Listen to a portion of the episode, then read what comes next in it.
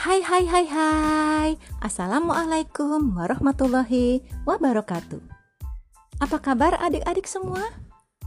Sekarang hari Senin Saatnya kita kembali bergembira Bagaimana puasanya kemarin? Tetap semangat ya Siapa yang bisa berpuasa sampai maghrib?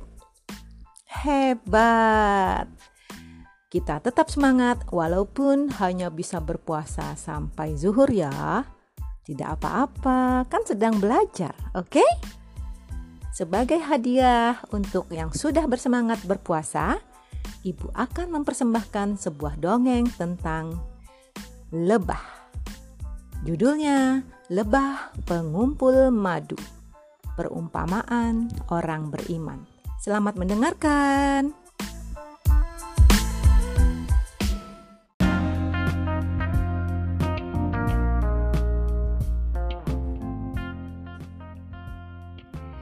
Pak Lebah sedang berkumpul dengan keluarganya. Pagi ini mereka bersiap-siap untuk mengumpulkan nektar. Nektar adalah sari bunga yang akan dibuat menjadi madu oleh lebah-lebah. Ingat pesan Bapak ya, jangan makan sembarangan. Pilihlah bunga-bunga yang baik. Hisaplah madu dengan benar agar bunga tersebut juga terbantukan melalui penyerbukan. Jelas Pak Lebah. Penyerbukan adalah pembuahan pada bunga.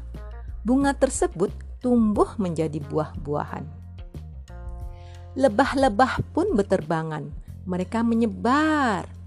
Zzz, sebagian terbang ke lembah. Zzz, sebagian lagi terbang ke taman-taman bunga. Zzz, ada juga yang terbang ke pohonan. Di dari kejauhan tampaklah adik kakak lebah. Si adik bernama Sofi, si kakak bernama Sofa. Sofi dan Sofa terbang begitu riang. Kadang mereka juga bercanda dan bermain-main. Keduanya hinggap pada sebuah bunga. Kak, kakak, coba serbuk bunga ini loh, ujar Sofi. Hmm, nektar yang ini lebih manis, Dik, ujar Sofa. Sofa dan Sofi terus menghisap madu. Kaki-kaki mereka menginjak benang sari, sehingga serbuk sari yang jatuh ke putik.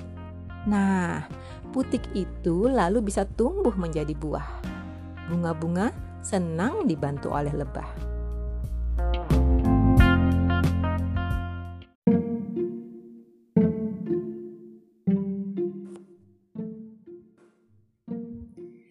Sofa dan Sophie mencari bunga lain.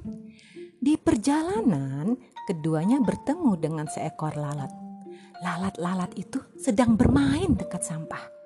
Sungai kotor oleh sampah. Hei, kalian berdua mau ke mana? Aku ingin bermain dengan kalian. Ujar lalat coklat.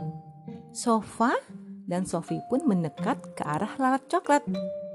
Ehm, sebenarnya kami juga ingin bermain dengan kamu, tapi hmm, badan kamu bau. Jelas Sofa. Kamu suka main di tempat kotor ya? Timpal Sofi. Lalat coklat terus membujuk mereka. Ia sangat ingin Sofa dan Sofi bermain kotor dengannya. Sofa dan Sofi pun akhirnya terbujuk. Keduanya terbang mengikuti lalat coklat. Halo teman-teman, kita semua punya teman baru nih. Teriak lalat coklat kepada lalat-lalat lain. Asik, mereka asik bermain di tempat sampah. Ayo main bersama kami dong. Kalian berdua pasti senang, bujuk lalat hijau. Tidak mau ah, orang tua kami melarang. Kami harus makan dan minum yang bersih saja, jawab Sopa. Benar, kami pembuat madu. Perut kami harus selalu berisi makanan yang sehat. Lanjut Sofi. Para lalat pun tertawa. Mereka mengejek Sofa dan Sofi. Hei anak baik, sekali ini saja kalian melanggar perintah orang tua kalian. Mereka tidak akan tahu, tidak akan marah. Bujuk lalat hijau. Benar sekali, kami sedih kalau kalian tidak mau bermain bersama kami lagi. Sekali ini saja, bujuk lalat coklat. Ia sangat cerdik. Akhirnya Sofa dan Sophie pun ikut bermain. Keduanya asik terbang ke sana kemari di tempat sampah dan ikut makan sisa makanan yang dibuang di tempat sampah. Lalat-lalat lain merasa senang karena telah berhasil mengelabui Sofa dan Sophie. Kalian pasti merasa bosan karena harus meminum nektar bunga setiap hari, ya kan? Ujar lalat coklat. Selama ini kalian hanya mencicipi rasa manis saja ya? Di sini kalian bisa merasakan pedas, asin, manis, dan rasa lain. Lanjut lalat hijau. Wah, tidak kusangka ya enak juga bersama makan bersama lalat-lalat, ujar Sofi. Lalat-lalat itu merasa puas. Mereka berhasil membodohi Sofa dan Sofi. Lalat-lalat itu pun berhenti makan. Perut-perut mereka sudah buncit. Badan mereka kotor. Sofa dan Sofi pun sudah kenyang. Tubuh keduanya juga kotor. Kita mandi bersama yuk, ajak lalat merah. Benar, seru lalat hijau. Maka semua lalat itu pun terbang. Sofa dan Sofi ikut serta. Mereka menuju aliran got berwarna hijau. Got itu sangat kotor, sampah bertumpuk di pinggir-pinggirnya. Di got itu Lalat-lalat asik bermain air. Sofa dan Sofi pun bermain air juga.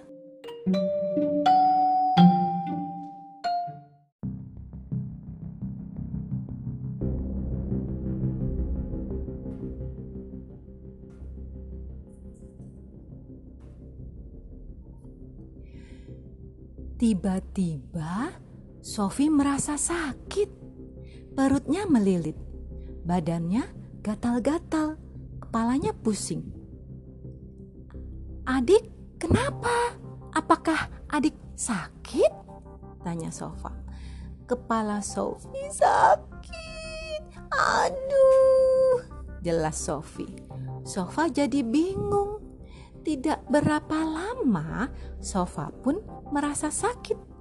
Kepalanya pusing, kulitnya gatal-gatal, perutnya perih. Lalat-lalat tertawa. Hahaha, kalian anak malas dan manja sih. Ayo bermain terus bersama kami, ajak lalat coklat. Kami merasa sakit, kami harus pulang, jawab Sofa. Ia mulai lemas. Wah, kalian memang tidak mau bersama, bermain bersama kami. Kalian jahat, cerca lalat hijau. Bukan begitu, kami tidak bisa bermain kotor. Kami tidak mau bermain dengan kalian lagi ah, jawab Sophie. Ia marah kepada lalat. Ia merasa ditipu oleh lalat-lalat tersebut. Sofa dan Sophie segera pulang. Mereka menjelaskan kepada orang tuanya. Kami telah tertipu lalat, Pak. Kami minta maaf, ujar Sophie.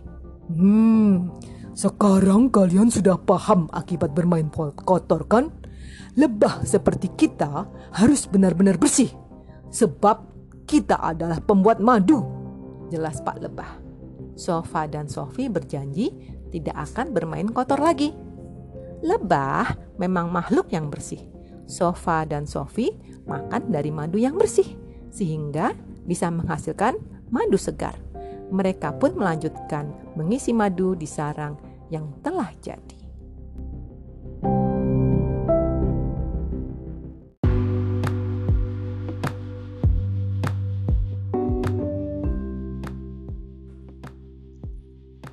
Nah, adik-adik, bagaimana cerita tentang Sofa dan Sofi si lebah madu?